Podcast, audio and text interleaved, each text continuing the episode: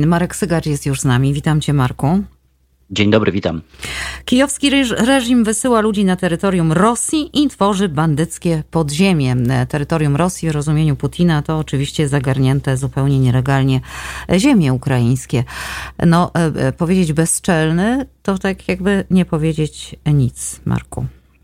No tak, ale tej retoryki można się było spodziewać zaraz po tym, jak zostały ogłoszone wyniki tego trudno to nazwać referendum, tego dziwnego głosowania przeprowadzonego w tych okupowanych obwodach, e, no Rosja uznała to za swoje tery terytoria i w tym momencie wszystko to, co dzieje się w tamtym rejonie, dzieje się e, w mniemaniu Kremla i Władimira Putina na terytorium Rosji. Ja dzisiaj też przeczytałem takiego tweeta którego podała jedna z agencji rosyjskich, że ponad 5 milionów ludzi szukało, nie cytuję dosłownie, bo nie pamiętam w tej chwili, e, jak to brzmiało dokładnie po rosyjsku, ale była to wymowa tego taka, że około 5 milionów ludzi e, znalazło schronienie przed kijowskim reżimem na terytorium e, Rosji po tej aneksji. W domyśle no, e, była to ogromna przysługa oddana według Władimira Putina ukraińskiemu narodowi. No ale rzeczywiście to posiedzenie dzisiejszej Rady Bezpieczeństwa Narodowego, spotkanie z e, Dmitrijem Miedwiediewem, szefem służb bezpieczeństwa w Rosji, e, no zaowocowało, wprawdzie te oczekiwania były większe, bo wszyscy spodziewali się, że zostanie ogłoszone coś na wzór e, nie tyle stanu wojennego, co samej, samej wojny na tamtych terenach i e, w, w samej Rosji. Natomiast no, to, co mamy w tej chwili, to mamy stan wojenny w okupowanych obwodach, czyli donieckim, ługańskim, zaporowskim i hersońskim, czyli wschodnich i południowych. Tylko tutaj warto powiedzieć, że tak naprawdę Rosja nie kontroluje w pełni żadnego z tych czterech obwodów, a jedynie część, na której w tej chwili znajdują się e, rosyjskie wojska. Do niedawna było jeszcze tak, że obwód hersoński był pod pełną kontrolą Rosji. Teraz nie jest już, tak samo jak obwód ługański, tam trwają w tej chwili na wschodzie e, cały czas silne walki, no ale wygląda na to, że e, to ogłoszenie e, w okupowanych obwodach jest mocno na wyrost, ale poza tym Władimir Putin wydał także dekret, który przewiduje ograniczenie wjazdu i wyjazdu w sześciu rosyjskich regionach graniczących z Ukrainą. Więc ta, e, ten stan podwyższonej gotowości e, rozlał się poza terytorium Ukrainy. To ma swój, swój wymiar i wiąże się według analityków przede wszystkim z tym, że w samej Rosji została dość punktualnie e, zakończona ta tak zwana częściowa mobilizacja, która nie przebiegała zgodnie z oczekiwaniami i tego nie krył nie kryli nawet e, komentatorzy z otoczenia Kremla. E, co ciekawe, ona została zakończona bardzo punktualnie, zgodnie z zapowiedzią, nie była przedłużona, a to świadczy o tym, że tak naprawdę Władimir Putin e, ma świadomość tego, że ona nie spełniła także oczekiwań, których, które on w niej pokładał. I przedłużanie albo kładzenie większego nacisku także w komunikatach takich publicznych na tą mobilizację obniża i osłabia jego pozycję e, w kraju. Szczególnie chodzi tutaj o mobilizację w dużych miastach, bo tak naprawdę jeżeli Putin miałby się czegoś obawiać, to oporu właśnie w dużych ośrodkach, to znaczy e, e, Petersburg, to znaczy Moskwa, a tam to niezadowolenie było coraz głośniejsze. Więc no, skończyliśmy mobilizację, cele zostały osiągnięte, taki jest oficjalny komunikat. No i co dalej? No i właśnie, i wydaje się, że to, co zostało ogłoszone na terytorium Ukrainy, na tych okupowanych terenach, ma być czymś co e, będzie uzupełniało też e, tą siłę bojową e, Rosji. Mówi się o tym, że jeżeli tam został wprowadzony stan wojenny, to tak naprawdę sytuacja ludzi tam mieszkających bardzo się pogorszyła. No bo co? W tym momencie możliwe będą konfiskaty, możliwe będzie wprowadzenie stanu godziny policyjnej, to już jest ogłoszone. Będzie możliwe wprowadzenie e, łapanek, które będą doprowadzały do już nawet nie mobilizacji, ale po prostu wcielenie siłą do armii tych ludzi, którzy tam mieszkają. No i wygląda na to, że Władimir Putin na tych terenach, włącznie z tymi e, dawnymi samozwańczymi republikami, szuka szuka mięsa armatniego po prostu, które prowadziłoby walkę w jego imieniu na terytorium, e, na terytorium Ukrainy. Wiadomo, że to będzie e, armia o słabym morale i słabej motywacji, no ale od dawna już eksperci też mówią o tym, że największą i jedyną motywacją w armii rosyjskiej był strach nie przed wrogiem, a przed przełożonymi. Więc wygląda na to, że e, taki reżim także teraz będzie się w tej armii Władimira Putina utrzymywał. Na razie, jeżeli chodzi o postępy na froncie, to panuje coś, co nazywa się w przestrzeni internetowej ciszą operacyjną. Poprosiły o to Mm, służby ukraińskiej rzeczywiście dość e, oszczędnie mm, dawkuje się mm, informacje o tym, co dzieje się szczególnie w obwodzie hersońskim. Wczoraj e, pojawił się pierwszy e, wywiad z nowym dowódcą operacji w Ukrainie, dowódcą sił inwazyjnych, jak to się mówi w Ukrainie, Surowkinem który mówił o tym, że e, konieczne będzie ewakuowanie Hersonia, części miasta, które znajduje się na prawym, na prawym brzegu Dniepru, tym brzegu, który jest w zasięgu w tej chwili już a niedługo będzie w większym zasięgu armii ukraińskiej.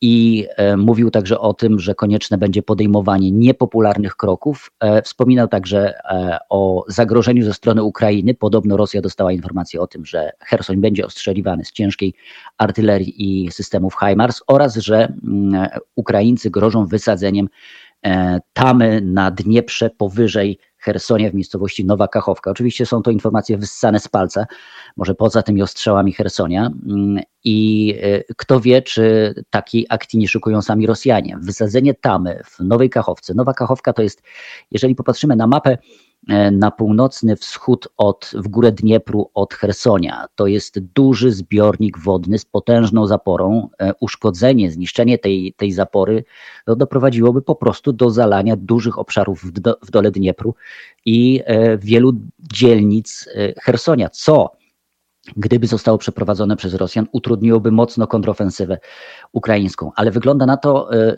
też są takie głosy, że mm, głównodowodzący sił inwazyjnych e, w Ukrainie przygotowuje Rosjan, opinię publiczną w Rosji na oddanie tej części okupowanych terytoriów, czyli na oddanie e, Hersońszczyzny, przynajmniej w okolicy stolicy tego obwodu. Zobaczymy, jak się to będzie rozwijało, bo to jest rzeczywiście ta część, gdzie ofensywa, kontrofensywa ukraińska e, daje największe nadzieje i ma największe do tej pory postępy. Ta na wschodzie została nieco przyhamowana, ale to wszystko jest konsekwencja także tej zmiany prowadzenia wojny, z którą mamy do czynienia. Znaczy Rosja e, postawiła w tym momencie w zasadzie nie na prowadzenie wojny, tylko na terror. Na terror e, polegający na tym, że są ostrzeliwane e, elektrownie, elektrociepłownie, infrastruktura krytyczna, sieci przesyłowe, to wszystko, co ma doprowadzić do złamania ducha Ukraińców. Oczywiście to jest to jest działanie tylko i wyłącznie e, skierowane na zastraszenie, ponieważ nie jest w stanie, mm, nie są w stanie te naloty, te ostrzały zmienić biegu wojny. Nie, ma, nie są w stanie zmienić faktu, że Putin tę wojnę i Rosja tę wojnę po prostu w Ukrainie przegrywają. E, natomiast ten terror będzie miał swoje konsekwencje z całą pewnością dla setek tysięcy Ukraińców, którzy biorąc pod uwagę zbliżającą się zimę, mogą zostać bez wody, bez centralnego ogrzewania, bez bez prądu, ale Ukraińcy są gotowi ponieść e, tę cenę, ponieważ e, no, stawką jest ich wolność, e, ich niepodległość, no i przede wszystkim życie wielu z nich. Mhm. E, no na pewno, na pewno, e, na pewno nie będzie łatwo, chociaż e, wczoraj rozmawiałam ze Zbyszkiem Chrzanowskim, który wrócił z Lwowa i rozmawiał tam z jakimiś dwoma rekrutami ukraińskimi, którzy właśnie wybierali się na front, czekali tylko na ten moment, bo no, tam jakieś, wiesz, muszą być dopełnione oczywiście rzeczy i, i pytał ich, czy się boją, a im powiedzieli, że nie, że się nie boją, że się nie mogą doczekać. Powiedzieli mu też, że im więcej, wiesz, terroru terroru e, odbywa się ze strony Rosji w kierunku Ukrainy, tym bardziej Ukraińcy są wkurzeni i zdeterminowani, e, aby walczyć, czyli wygląda na to, że ten, wiesz, duch na razie, na razie nie, nie ginie ukraiński. Też ciekawa, nie wiem, czy, czy, czy, czy słyszałeś, wypowiedź e, pojawiła się byłego dyrektora CIA, mm, generała Petreusa. On twierdzi, że ta zima dla Ukraińców i Rosjan będzie różna, bo i tu podkreśla, Ukraińcy Ukraińcy są na swojej ziemi, wiedzą za co się biją i nawet jeśli potrzebują odpoczynku w czasie walk, to mogą zwrócić się do swoich. Jeśli chodzi o Rosjan, to wyglądać będzie zupełnie inaczej. Nie wiem, jak, jak ty uważasz, co ty sądzisz. To prawda. Mhm. To prawda. Prowadzenie wojny w warunkach zimowych, no to jest na, wojny na taką skalę, to jest rzeczywiście zadanie i potężne wyzwanie dla armii rosyjskiej. Armia rosyjska do tej zimy musi się przygotować. Nie może się przygotować, prowadząc cały czas intensywne działania e, zaczepne, intensywne działania wojenne. Więc pytanie, jak będzie wyglądał ten front w ciągu tych najbliższych tygodni? E, no, ja nie widzę w tym momencie możliwości żadnych e, ofensywnych dla armii rosyjskiej. E, ja nie sądzę, żeby cokolwiek zmieniła ta wielka mobilizacja. E, wprawdzie pojawiają się w przestrzeni takie wrzutki, komunikaty o tym, że Rosjanie będą próbowali znowu zdobyć Kijów. E, były takie nawet wpisy mm, rosyjskich blogerów, że może nie w trzy dni, ale Bucza, Irpień, Kijów, szykujcie się, bo nadchodzimy. Natomiast y, no, to też trzeba powiedzieć i zdać sobie sprawę z tego, że ta północna część Ukrainy, obwód kijowski, on jest przygotowany do obrony. To nie jest tak, że y, y, zupełnie, że Ukraińcy wszystko zostawili w tamtej części, ponieważ Rosjanie się stamtąd wycofali i rzucili swoje siły na wschód i na południe. Oczywiście większość sił tam jest, ale e, ja będąc w okolicach Kijowa, będąc w Buczy, widziałem te umocnienia, widziałem żołnierzy, którzy tam cały czas e, są na posterunkach, więc jakiekolwiek, jakakolwiek próba uderzenia czy rozwinięcia ofensywy od tamtej strony, w stronę Kijowa, no, prawdopodobnie skończy się tak, jak się skończyła w marcu czy w kwietniu, to znaczy porażką e, Rosjan, zwłaszcza, że będzie to jakiś kontyngent pewnie wymieszany e, z siłami białoruskimi, o których wiadomo, że nie są e, zbyt dobrze przygotowane, delikatnie mówiąc, do walki. Więc tam ewentualnie uderzenie od północy może też zostać rozwinięte w, z oczekiwaniem tego, że rozcieńczy troszeczkę, wydłuży linię frontu i rozcieńczy ukraińską ofensywę, ale wydaje mi się, że to nie przyniesie też większe, większych zmian e, zmian, jeżeli chodzi o układ sił w tym momencie w Ukrainie. Mm. Putin tę wojnę, tę wojnę przegrywa i przegra. Mhm. Jeszcze na koniec ja bym Cię prosiła, gdybyśmy zajrzeli do właśnie Białorusi, mm, tak jak zrobiliśmy to ostatnio, bo dziś też e, pojawił się taki komunikat Sztabu Generalnego Sił Zbrojnych Ukrainy, że władze w Mińsku pod pozorem szkoleń jednak prowadzą potajemną e, mobilizację do białoruskiej armii. Tak, są takie informacje. Są też informacje o tym, że część urzędników białoruskich dostała, e, wydano im broń w obawie przed jakimiś rozruchami, do których może dojść. E, no, wydaje się, że Łukaszenka dość długo bronił się rękami i nogami przed zaangażowaniem większym w tę wojnę poza użyczeniem terytorium i poza użyczeniem broni. W zasadzie oddał to swoje, to co miał w magazynach, to co jeszcze miał w magazynach armii rosyjskiej. Nie było to specjalnie, nie miało to dużego znaczenia, dużej wartości e, technicznej, natomiast no, na froncie każda jednostka sprzętu się liczy. Natomiast wydaje mi się, że tutaj w tym momencie e, troszeczkę mm, lekceważone w tym wszystkim z punktu widzenia e, Zachodu, z punktu widzenia Unii Europejskiej i Stanów Zjednoczonych jest właśnie Białoruś. Wydaje mi się, że ten kraj i reżim Łukaszenki został za słabo przyciśnięty, jeżeli chodzi o sankcje, jeżeli chodzi o e, jakby takie odniesienie się wprost do jego udziału w tej, e, w tej wojnie Putina. I Łukaszenka nie jest specjalnie odważnym ani lotnym politykiem, natomiast próba lawirowania pomiędzy tym, e, żeby czy przystąpić do wojny, czy nie przystąpić do wojny, no wydaje się już mu, powoli się wyczerpują mu się możliwości, więc będzie musiał w jakiś sposób pewnie spełnić oczekiwania Putina. Zresztą jasne jest to, że Putin wywiera presję na reżim Łukaszenki, bo tak naprawdę reżim Łukaszenki od Putina zależy, ale wydaje mi się, że z drugiej strony Zachód e, i Unia Europejska i Stany Zjednoczone powinny troszkę bardziej wyraźnie powiedzieć o tym, że czego oczekują i, i, i, z czym będzie się wiązało dalsze zaangażowanie e, Łukaszenki w, ty, w, tej, w, tym, w tej wojnie, w tym konflikcie. No i miejmy nadzieję, że teraz jak wywiady, wiesz, że zobaczą to wszystko, co się tam dzieje pod przykrywką i tak dalej, no to takie kroki zostaną podjęte, bo tak jak powiedziałeś, im bardziej Putin pod ścianą, tym bardziej pod ścianę podstawia Łukaszenkę, no bo ma go pod ręką i, i może z jego możliwości skorzystać.